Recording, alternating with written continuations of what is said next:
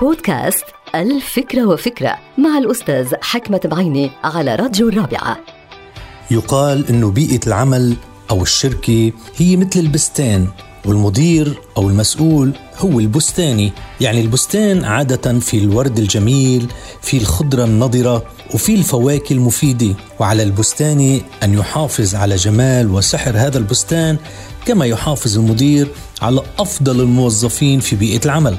فعلى المدير أنه يهتم كل يوم بأفضل ما لديه من الموظفين كما يهتم البستاني بأفضل ما لديه من ورد جميل وفواكه طيبة كما عليه أن يراقب كل وردة إذا ما بدأت تذبل وكل شجرة إذا ما بدأت تيبس. عليه أن يسقيها ويرويها ويعتني بها حتى تعود إلى ما كانت عليه وتنتج بشكل أفضل. وهكذا هو عمل المدير. عليه أن يراقب بعض الموظفين الذين تبدو عليهم علامات التعب ويساعدهم لاستعادة الفعالية والإنتاجية في العمل.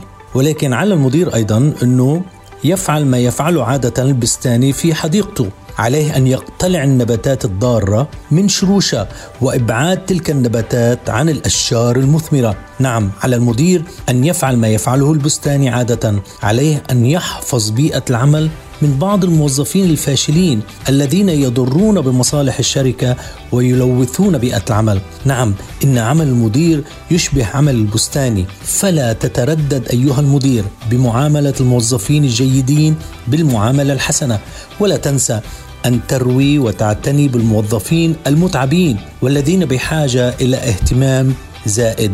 ولا تتردد أن تقتلع الموظفين السيئين من بيئة العمل كما يقتلع البستاني النباتات الضارة من بستانه الجميل.